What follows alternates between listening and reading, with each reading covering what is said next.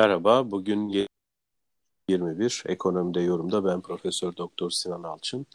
Geçen hafta Profesör Doktor Dinç Alada hocamla birlikte başladığımız Belirsizlik dizisinin ikinci bölümüyle Hocam merhaba.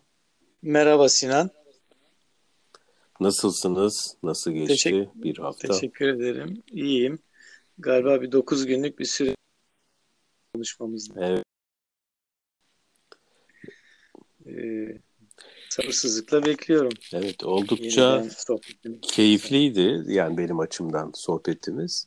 Ee, aynı zamanda e, işte birçok arkadaş da sağ olsun e, geri bildirimde bulundu, olumlu e, önerisi olanlar da var. Dolayısıyla e, yerini bulan bir sohbet olmuş oldu diyebiliriz. Şimdi bugün e, belirsizlikte ikinci bölüm. İlk e, bölümde yani ilk hafta aslında e, bir genel olarak bir çerçeve e, çizmeye çalıştık veyahut da bir genel bir tarama yaptık. Bugün de e, o yönde herhalde devam etmemiz daha uygun olur değil mi? Yani hemen sistematik bir şey oturtmak evet, yerine. Benim görüşüm, benim görüşüm de o şekilde.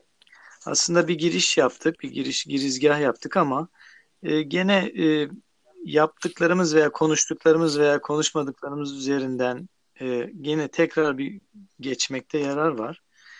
E, ben kendime göre e, neler konuştuk e, onu düşündüm biraz. İstersen onları Elbette. madde madde yazayım. Çok Elbette. hızlı bir şekilde söyleyeyim. Ee, belki sondan başlayayım ama belirsizlik konusunu konuşuyorduk tabii ki. Orada e, felsefeyle bağını e, kurarak aslında sohbetimizi tamamladık en son. E, realite, aktüelite e, kavramı ayrımı üzerinden bunu konuştuk. Geri, geri dönebiliriz ama ben geçeyim gene başka yaptıklarımızı diyeyim. İstikrarsızlıkla belirsizlik ayrımını yaptık. Biraz onu konuştuk hatırlıyorum. Risk belirsizlik ayrımına değindik. Ee, e, kural istisna ayrımını ben dile getirdim. Ee, iktisatta yani hem ekonomi politik hem de bu ilmi iktisat çizgisi üzerinden. Kısaca ondan bahsettim. Ve ekonomi politikle yine ilmi iktisat ayrımı üzerinde etraflıca durduk zannediyorum seninle e, senin de e, daha çok önünde üzerinde durduğun biraz iktisatta öngörü öngörü yapmanın zarureti. İktisatçıların bu konuda biraz gördüğü baskı üzerinde durduğunu zannediyorum. Evet. Hatırlıyorum. E, aklıma gelenler bunlar şu anda. Bilmiyorum sen ne diyorsun? Evet. E, şimdi baştan aslında birkaç defa da deneme yaptık. Seste biraz bugün sıkıntı vardı. Şu anda da sizin sesiniz iyi geliyor aslında ama bana bazen kesiliyor hocam. Ee, çok iyi çekmiyor olabilir. Ee, hani belki hmm. biraz hafif bir yer değiştirme şey olursa ya da daha iyi çeken. Yani çok şey değil, e, problemli değil ama birazcık sorun yaratabilir ara ara kesiliyor gibi. Ee, şimdi burada tabii iktisatçının hani beni bana e, geçirdiğiniz söz kısmıyla ilgili e, söyleyecek olursam bu iktisatçının enteresan bir şey aslında benzer bir durum mühendislerde de var. Bilim ve teknolojinin bir arada olduğu tek meslek e, mühendislik. Yani bir anlamda yapma mesleği. E, şimdi o yapma mesleğine girildiğinde tabii e, hani teknik akıl olarak da konuşulan konu aslında. Bir anda meselenin hani neden e, nedenleri bir tarafa bırakılıp nasıla doğru bir yöneliş ortaya çıkıyor. Yani nasıl yapılır? Peki neden yapılır? Hayır, nasıl yapılır? E, şimdi bunun benzer bir yansıması, tezahürü aslında iktisatta da var. E, işte bir yönüyle geleceğe dönük o belirsizliklerin getirdiği durum. Bir taraftan da aslında sosyal ilişkiler bütününü e, incelemeye çalışan ve yorumlamaya çalışan iktisatçıya da e, biraz karikatüristik haliyle de belki karikatüristik biçimde daha doğrusu bir şey yüklüyor. Misyon yüklüyor. Bu siz geçen hafta güzel bir benzetme yaptınız. Gündüzleri neoklasik, geceleri Marksist diye. E, doğru bu çünkü e, bir şekliyle baktığımızda hani alet çantası olarak da anlatılan esas itibariyle e, Göbek'ten e, işte marjinalist akımın ağırlıklı olduğu ama hani toplamda da e, ana akımın e, yenilendiği şeye dönüşüyor, derslere dönüşüyor işte iktisada girişler, mikrolar, makrolar, yine onunla bağlantılı işte para, uluslararası iktisat teorisi, büyüme bir yönüyle ve bir anlamda bir ne diyelim iman tazeleme gibi bir alan oluşuyor. Bu işte mühendislerdeki o teknik akıl bir yönüyle de bu tarafa böyle bir belirlenimci yani deterministik bir şey katıyor. Bu aslında geçen hafta konuştuğumuz bu e, ekonomi politikten politiğin atıldığı ve ilmi iktisada dönüştüğü o kısımda da tam da istenen böyle aslında. Yani belirli, sınırı çizgisi net olan, e, niye net olan? Çünkü söylediği bir anlamda doğru veyahut da e, doğru demeyelim de gerçek olacak. İşte kanun olacak, işte azalan verimler yasası mesela. E, nerede çıktığı belli değil bu yasanın. Ama öyle bir yasadan bahsediliyor.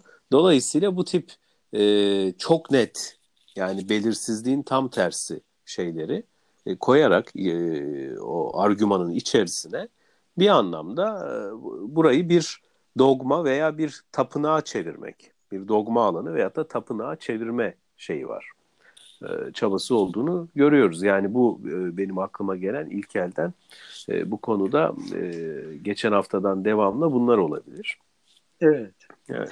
E, belki şunu e, ekleyebilirim bir ya da e, belki şuna karşı çıkabilirim. Bir de benim e, ekonomi politikle ilmi iktisat arasında e, bir ayrım olduğunu düşünüyorum ki sen de benzer bir şey evet. düşünüyorsun.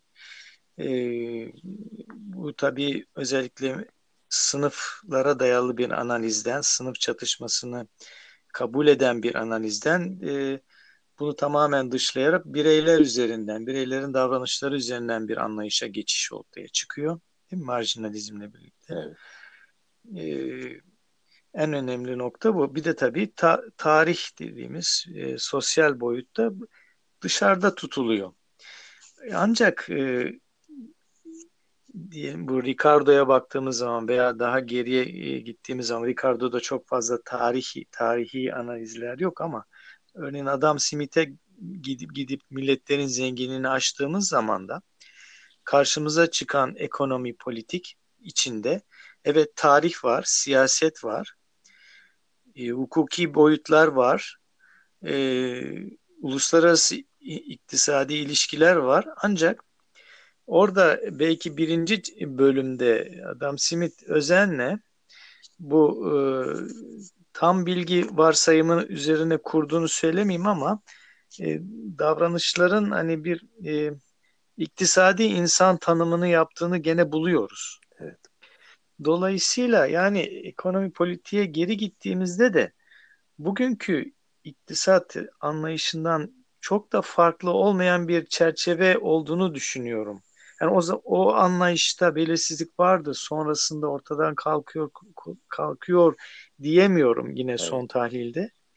Ee, Adam Smith'in e, şey, e, felsefe üzerine yazdıklarında belki bu belirsizlik dediğimiz yani beklenmeyen, karşı, hiç daha önce karşılaşılamayan onun tesirleri felsefe düzeyinde ele alınırken ekonomi politiğe geçtiği zaman bunun terk edildiğini ben tahlil ettim bazı çalışmalarımda. Karşıla bunu ortaya koymaya çalıştım. Yani böyle bir e, bir şey ekleyebilirim belki senin söylediğine. Evet. Buradan ee, ben de bir iki şey söyleyeyim hocam geçmeden. Ee, şimdi öncelikli olarak e, birey tabii sadece marjinalistlerde değil aslında sizin de ifade ettiğiniz gibi Smith'te de var. Kaldı ki klasik liberalizmde de yani sadece o dönemki ekonomi politikte değil edebiyatta, sanatta da e, belki Rönesans'ın da yansımalarıyla e, zaten bir şey var. O klasik liberalizm içerisinde birey bir yerde duruyor. Buradaki sancı belki milletlerin zenginliğinin ortaya çıkma sürecinde e, Smith'in yetiştiği veyahut da gördüğü, örnek aldığı düşünsel e, ortam yani kısmen işte Pötis'in e, yine diğer fizyokratlardan etkilenmesi vesaire. Öte yandan da içinde bulunduğu aslında yöneldiği esas araştırma konusu olan etik, ahlak e, ya da genel çerçeveyi söylediğimiz e, alanındaki çalışmaları ve kamu yönetimi üzerine kafa yormuş olması. Şimdi bu ister istemez bir e, hani sistematik bir bilgi bütünü haline getirmeye kalktığında bunları kitapta e, Smith'in de benim gördüğüm kadarıyla e, bir şekilde bir e, amaç yönelişine sokuyor onu. Yani o amaç yönelişi de tabii onu bir yine tasniflendirme, aslında belirli alanlar yaratma e, şeyine götürüyor. Aslında Smith'le Ricardo'nun bir ortak özelliği var. E, her ne kadar e, kuramlarını oluşturdukları, geliştirdikleri dönem İngiltere'de e, ki ikisinin de yaşadığı ülke sanayi devriminin ortaya çıktığı ve önemli ölçüde de artık hani yeni ortaya çıktı diyemeyiz herhalde değil mi hocam? 1776'da yazılan kitap hadi bir 4-5 yıllık çaba olmuş olsa 1770 desek 1700 30-35 arası artık hani bir başlangıç milat tabii ki varlık yokluk gibi şu gün başladı denilecek bir şey değil bir süreç tabii ki oradaki ama e, hani yine de kabaca söyleyecek olursak bir 30-35 yıldır bir haliyle işte dokuma fabrikalarının işlediği ticari e, sermaye birikiminin üretken sermayeye dönüştüğü bir ortam var aslında. Yani sanayi kapitalizmi başlamamış değil ve orada başlamış. Fakat İkisinde de e, bu konu birazcık teğet geçiliyor gibi geliyor bana. Sizin tabii bu konudaki ayrı çalışmalarınız var muhakkak yani biraz da siz hani açarsınız belki konuyu diye de ben e, sadece gördüğüm kadarını söylüyorum. E, bu burada böyle bir sorun var. E, daha sonra tabii şöyle bir yine e, kısım var. Biz o alanı nasıl tanımlayacağız? Yani gerçekte hani bugün durduğumuz yerden işte ya klasik iktisatçılar diyebiliyoruz veya da ekonomi politik diyebiliyoruz yaptıkları şeyde. E, fakat gerçekten o günün dünyasında, daha sonranın dünyasında ve bugünün dünyasında bu şeyi nasıl tanımlayacağız? Yani ilmi iktisat dediğimiz meseleyi tam olarak nasıl tanımlayacağız? Bunu da herhalde konuşuruz biraz sonra. Evet. Evet tabii e, Smith'e doğru yöneldik doğru dediğin gibi aslında sanayinin filizlendiği bir dönemden hareket ediyor ticaret ilişkilerinin yeni bir şekle dönüştüğü, e, sermaye sınıfının yeşerdiği ama henüz e, merkantil denen bağlarla biraz sıkı olarak e, kapandığını, dolayısıyla bunu açma ihtiyacını duyduğu bir dönemde yazıyor.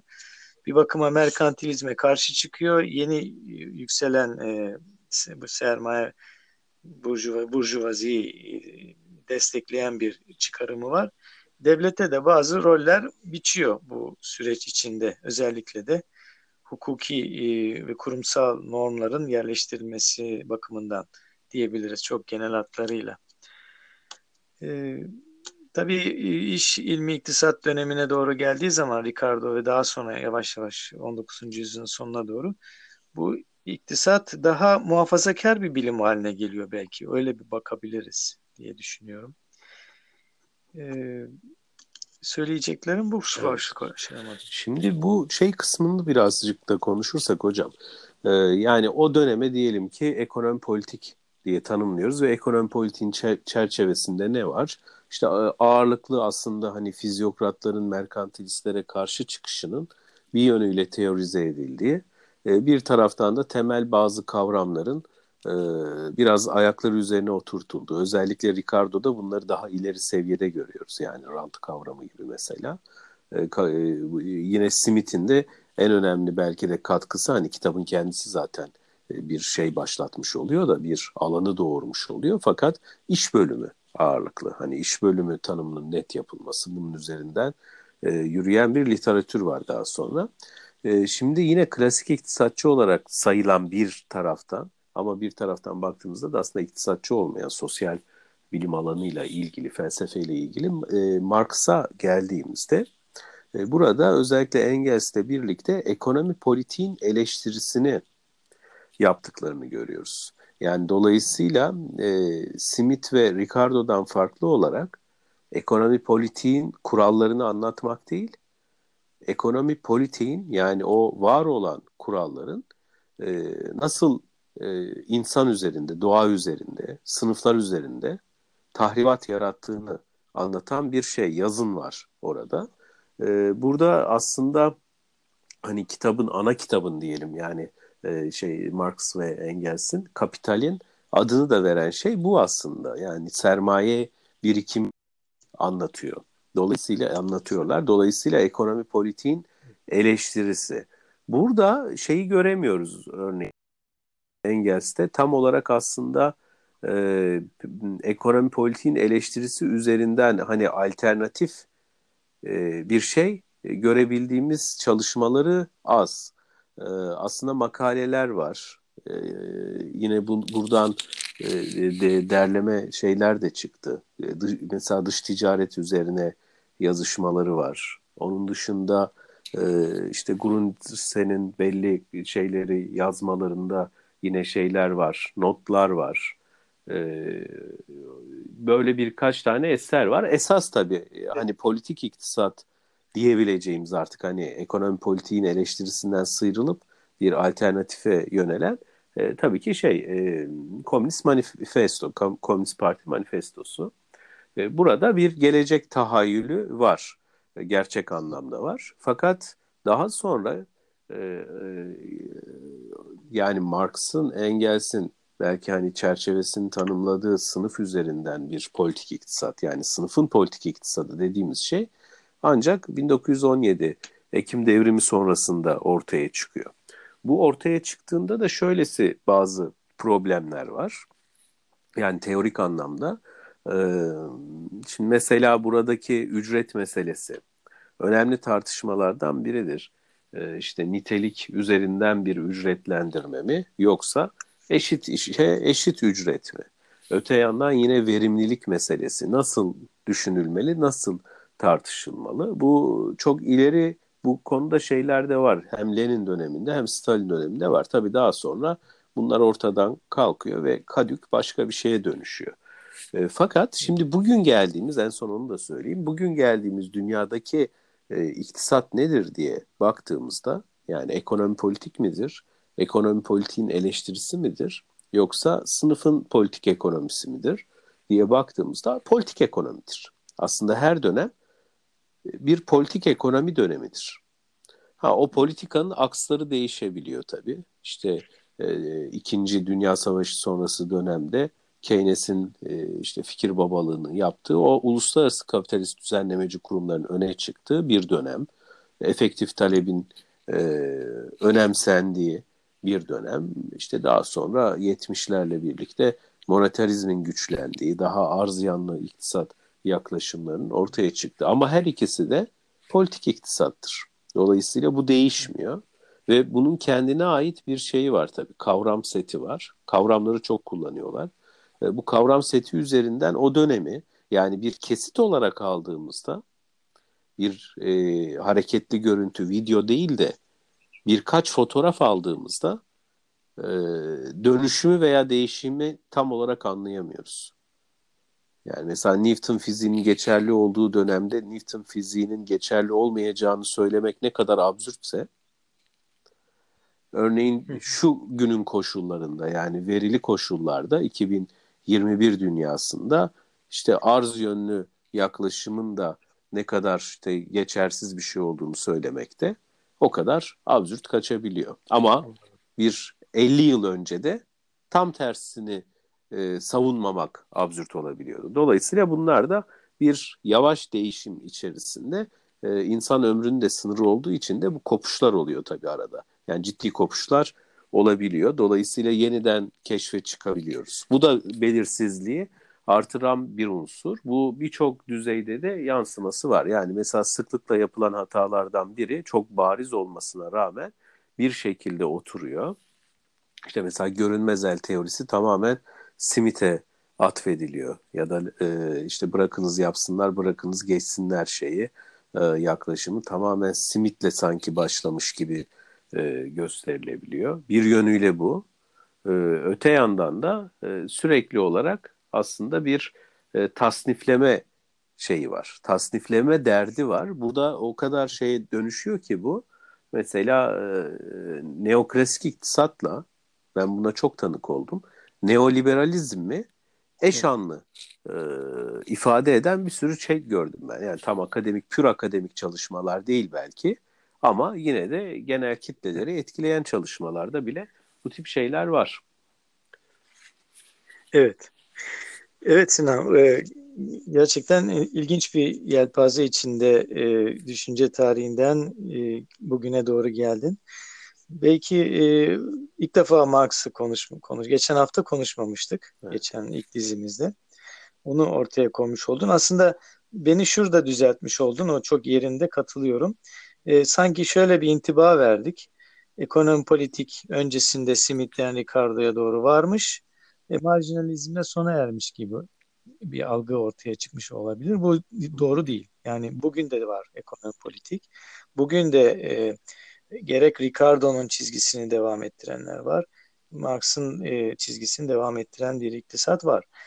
E, vurgun önemli. Tabii e, kapital, Marx'ın kapitalinde özel zaten ikinci alt başlık ekonomi politiğin eleştirisi. E, burada e, katılıyorum. Yani Smith'ten bir önemli farklılığı e, Marx'ın e, bir ekonomi politik eleştirisi yapmış, yapıyor olması önüne ekonomi politiği e, bu politiğin varsayımlarını, onun yasa olarak dile getirdiği konuları alarak bunları eleştirerek başlıyor. Bir zaman silsilesi içinde. Evet, farklılık var.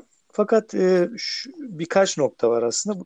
Gelirsen eğer Smith'le ilgili olarak e, genellikle bugüne kadar yanlış anlama okumalardan bir tanesi e, sanki Smith Marx'a karşı ya da Marx Smith'e karşı gibi her ne kadar onun e, artı değer teorileri üzerinden Smith'in değer kuramına yönelik eleştirileri çok güçlüyse de e, Smith Marx için önemli Kesinlikle. bir referans noktası. Örneğin ilkel birikim ya da ilksel birikim sürecinin ilk e, nüveleri Smith'te var ona atıflarla başlıyor ilksel birikim mesela bölümü. En basitinden bunu söyleyebilirim. Bir de bir parantez olarak e, Smith'te enteresan bir devlet e, analizi var. Devletin e, konumunu anlattığı bölümler var. Zannediyorum e, e, Marx'ın şimdi söyleyeceğim şey ne kadar e, katılırsın bilmiyorum. O bölümleri okumadığını düşünüyorum.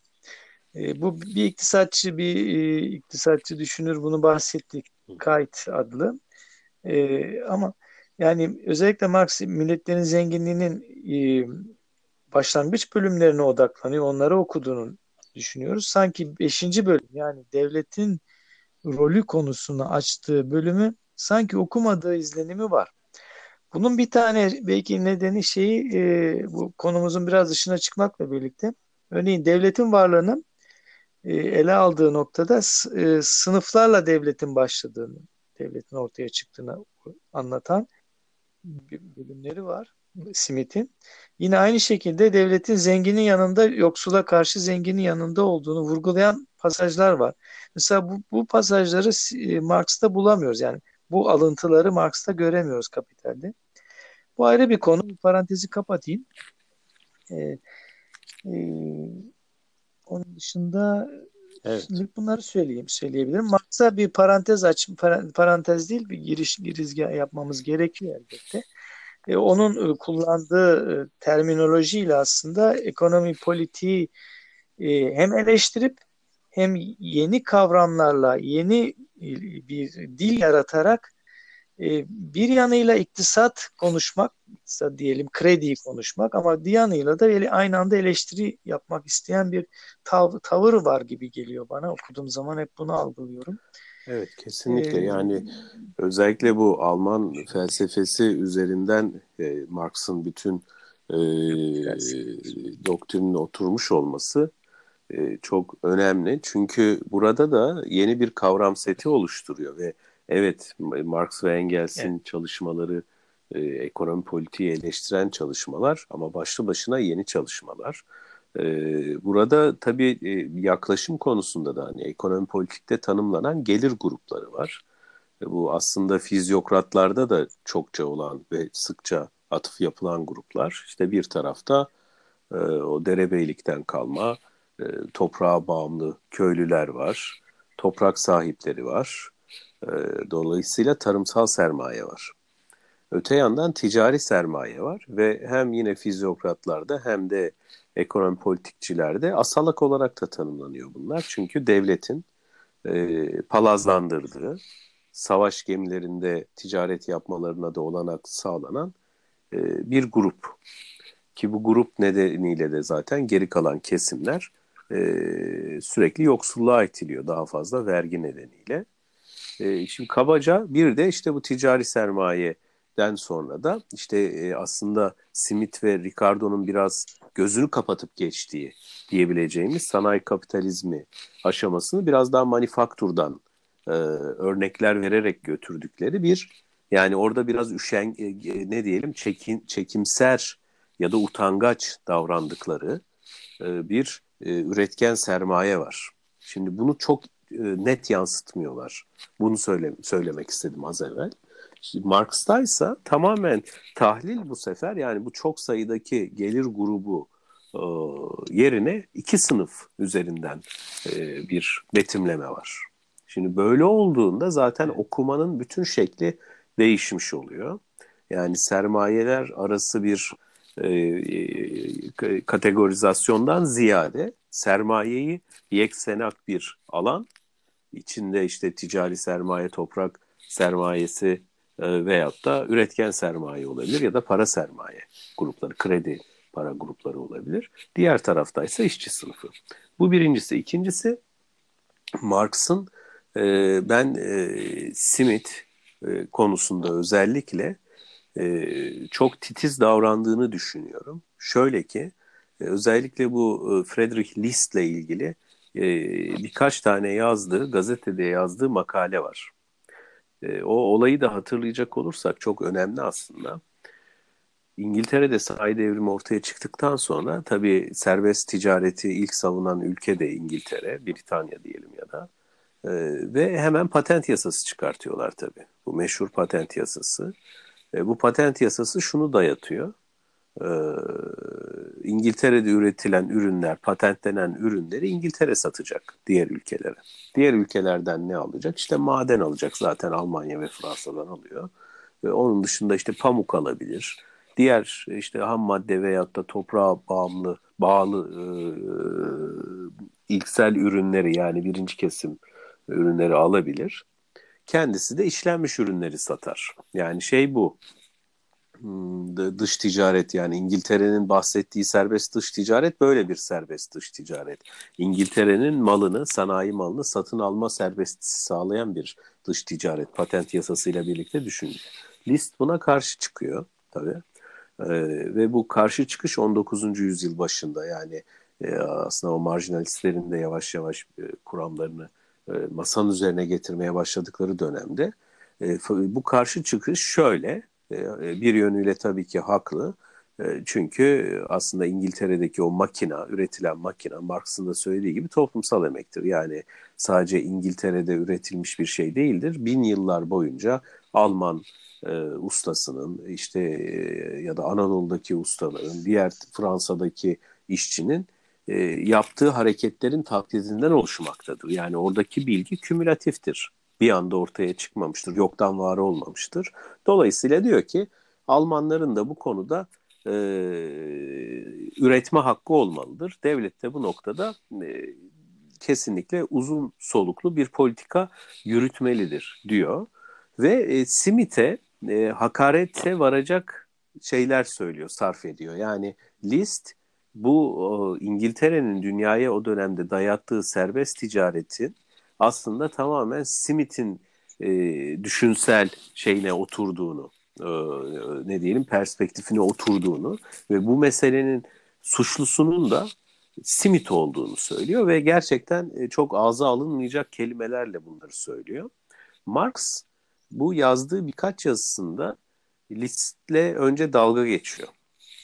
Yani diyor ki List diyor Alman idealizminin en billurlaşmış halidir diyor.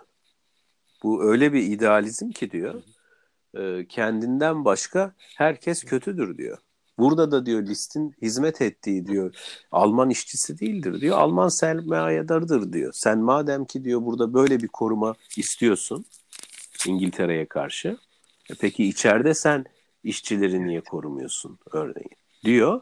Ve Smith'in orada hakkını veriyor ve şey de söylüyor. Yani Smith'e bu şekilde saldırıyor olması da diyor onun tamamen e, hani mesnetsiz yaklaşımını veyahut da o Alman kuru Alman idealizminin e, şeyidir diyor, yansımasıdır, tezahürüdür diyor. Orada da öyle bir şey var. E, enteresan biçimde bir sahip evet. çıkışı var. Hı hı. Evet bunu bilmiyordum doğrusu e, duymuş oldum senden. Tabii ki e, genelde bu şekilde tabii Marx'ın Smith'te bir referans e, noktası olarak seçtiğini görüyoruz. Hı hı. Orada benim ekleyeceğim bir şey hemen hemen yok. Belki biz gene evet, belirsizlik evet. çerçevesine çıkmamız lazım. Evet. Düşünce tarihi çok geniş bir boyutta. Tabi burada ben söylediğim, okuduğum boyutta onu tekrar vurgulayayım. Marx'ın bir projesi var elbette. Bu en genç dönemden başlayarak kapitale kadar uzanan ve yayınlamadığı ölümünden önce yayınlamadığı eserlere, çalışmalara kadar geçen süre içinde uğraştığı sorun kapital içinde yani Smith'in bir sürü e, ekonomi politik yazarının eserleriyle uğraşıyor ve önüne koyduğunu görüyoruz. Yani burada bir düşünce tarihi titizliği elbette Marx'ın var. Bu özellikle de artı değer teorilerinde odaklanıyor. Zaten Kapital'in son üç cilti artı değer teorileri. Yani bir düşünce tarihi ama artı değer teorileri üzerinden. E, ee, bekleyemeyiz evet. bir simit uzmanı olmasını. Hani bugün bir dizi e, düşünce tarihçileri var. Simit uzmanı onun nerede yemek yediğini, annesiyle ilişkisine kadar anlat girebiliyorlar. Yani o o ilişkiyi kurabiliyorlar. Ya da o o, o ilgi alanları olmuş. Bunu bunu bekleyemeyiz. Yani e, söylemek isterim. Burada e, benim okuduklarımdan çıkardığımda madem Smith Marx ilişkisine dair mesela onun e, ahlaki duygular kuramı var Smith'in. E, buna dair kapitalde sadece bir dipnotta geçiyor. E, benim kanaatim bunu bunu yeterince dikkatli okumadı veya çok fazla öne çıkarmadığını düşünüyorum. Bir de böyle bir tespit yapabilirim. Bu gayet de doğal bir şey aslında. Çünkü e, yüzlerce ekonomi politikçinin metinleri üzerine odaklanarak odaklandığı artı değere odaklandığı için bu ayrıntıları beklemek e, e, biraz anlamsız evet. oluyor. Anlamsız olur diye düşünüyorum. Ee, evet Marx'a belki başka bir boyutuyla e, gelmek gerekir. Üzerinde ayrıca durmamız gerekebilir. İşte kriz konusunda ve başka konular açısından. Evet. Evet onu da e, ilerleyen zamanlarda. Tabii Marx'ın hocam şöyle o hani yazının oluşumunda e, iki şey görüyorum ben yani kendi e, okumalarımdan. Birincisi Marx'ın yaşam biçimi aslında tamamen edebiyatla iç içe. Yani ilk gençliğinden itibaren e, tabii ki çok çalkantılı bir hayat, zor bir hayat. E, fakat e, edebiyat hep bir kenarda olmuş, bir yanda olmuş. Çocuklarıyla olan ilişkisinde de yani o çıktıkları piknikler, yürüyüşler bunların tamamında gün, gündelik yaşamlarında hep devam eden e, şeyler var, anlatılar var şiir var. Ee, bununla ilgili hatta damadının da daha sonra e, bastığı bir şey de vardı. Ee, kitap gibi ya, ya, ya kitapçık gibi. Ee, şimdi bu süreçte özellikle Dante'den mesela çok fazla etkileniyor Marx. dolayısıyla çok güçlü bir yazı diline sahip tabii ki. buralardan besleniyor. Biraz daha tarihsel bir yaklaşımı bunlarla besleyerek, bezleyerek getiriyor. Simit konusunda haklısınız ama ben onu da şuraya bağlıyorum biraz. Şimdi e, yaşadığı dönemde ekonomi politiği eleştiriyor ve yaşadığı dönemde baskın olan e, yaklaşımda o.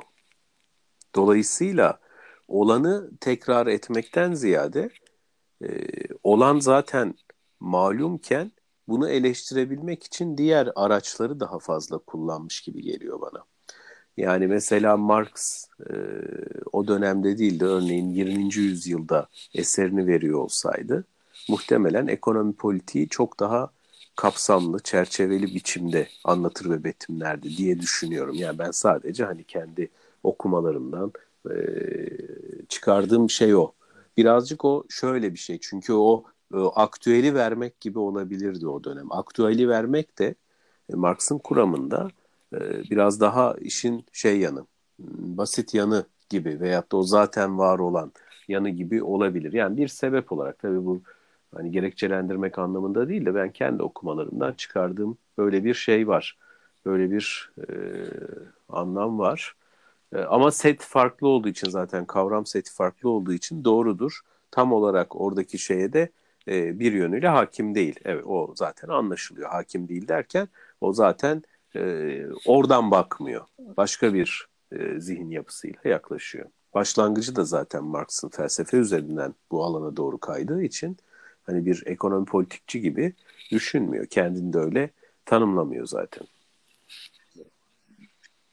Yani sorunsalı üzerinden, sorunsalına denk düşen, ona teğet geçen evet. her şeyi yakalamak üzere bir tavır.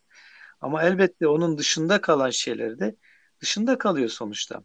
Tabii. Ee, o da ayrı insan ömrü sınırlı çünkü diye düşünüyorum. Evet. Şimdi bugünlük de e, bırakabiliriz hocam. Yeni bir başlığa e, Sen sizin notlarınız içerisinde varsa onu da konuşalım bugün. Yoksa Yok ben daha teknik belki belirsizlik başka konulara belki evet, girebilirdik bugün de ama böyle bugün olsun. giremedik. Bugün evet. böyle biraz düşünce Şimdi yöntem olarak da dinleyenlerle de paylaşalım. Özellikle ilk e, birkaç bölümde biraz daha tarama e, yapma niyetindeyiz. E, ki e, e, öbür türlü olduğunda çünkü evet. yani sonuca yönelmeye çalıştığımızda e, bu şeyi de e, hızlı bitirebilir. Sohbeti de hızlı bitirebilir. Yani onun için kategorize etmeden evvel biraz daha önce açmaya çalışıyoruz. Hani soru soru işaretleri atarak sonra toparlama kısmına geçeriz diye düşünüyoruz. Buyurun hocam. Evet. Ben de şu eklemeyi yapayım belki. Ee, bunu John Stuart Mill'in e, Hürriyet üzeri, Özgürlük Üstüne adlı kitabında okuduğumda bulmuştum. E, kavramları sürekli olarak tartışmak ve onlar üzerinde tabiri caizse tozunu almak gerekiyor kavramların. Böyle bir yaklaşım var Mill'in. E, çünkü kavramlar eğer üzerinde konuşulmuyorsa donarlar diyor bir süre sonra. Dolayısıyla burada belirsizlikten bahsediyoruz. Yok istikrar diyoruz. Bunları sürekli olarak gündeme getirip ne anladığımız ne anlamadığımız şeklinde yeni yeniden üzerinde durmamız gerekiyor aslında. Tozlarını almamız lazım kavramların. Ee, biraz felsefe ile bağlantılı olarak düşüneceğimiz için iktisadı bu konuş bu dizide belki evet. buna ihtiyacımız olacak. Dolayısıyla kesinlikle hocam. Devam yani hem ediyor. epistemolojik olarak bakmak gerekiyor hem oradan baktıktan sonra da ikinci bir kapı olarak belki öze daha dönük ontolojisini irdelemek gerekiyor. Çünkü bunu yapmadığımızda gerçekten ezbere evet. döndüğü anda e, önce önce dil sonra da zihin evet. tutulu veriyor. E, bu buraya çok fazla düşmemek lazım. E, belki başka bir dizi benim bir süredir şey yaptığım üzerinde durdum bu güncel kavramlar var. Bunlar üzerine bir şeyler de yapılabilir hocam yapabiliriz. Yani mesela işçi evet. sağlığı ve iş güvenliği yerine iş sağlığı ve güvenliği kavramı örneğin. Ya da esneklik ve güvence, iş güvencesi yerine esnek güvence. Bunlar sadece kelimeden e, tasarruf etmek, söz veyahut da harften tasarruf etmek için birleştirilmiş şeyler değil. E, tam anlamıyla işte politik iktisadın gündelik yaşamdaki şeyi aslında o kavram setiyle nasıl e, bir yönlendirme içerisinde olduğunu da yani o belirlenimciliğini de gösteren bir şey. Evet, demin bir ara sen dedin neoklasikle neoliberalizmin sürekli olarak karıştırıldığından bahsediyoruz, karıştırıldığından bahsettin. Aslında bu ideoloji veya e, kapitalizmin aklının sürekli olarak yenilendiği bir süreç içinde geçiyoruz geçiyoruz. E, dolayısıyla bu nedenle bile kavramları yeni yeniden yeniden üzerinde durmanın gerekliliği ortaya çıkıyor. Yani her dönem kendi bakış ve kendi kavramlarıyla, kendi yaklaşımlarıyla e, gündem oluyor, öne çıkıyor. Dolayısıyla karşı çıkmanın yolu da belki yine evet. bu kavramları tartışmaktan geçiyor. Evet hocam. Peki. Teşekkür ediyorum. Peki. Teşekkür ederim. Dinleyenlere de iyi günler. Görüşmek üzere. Müzik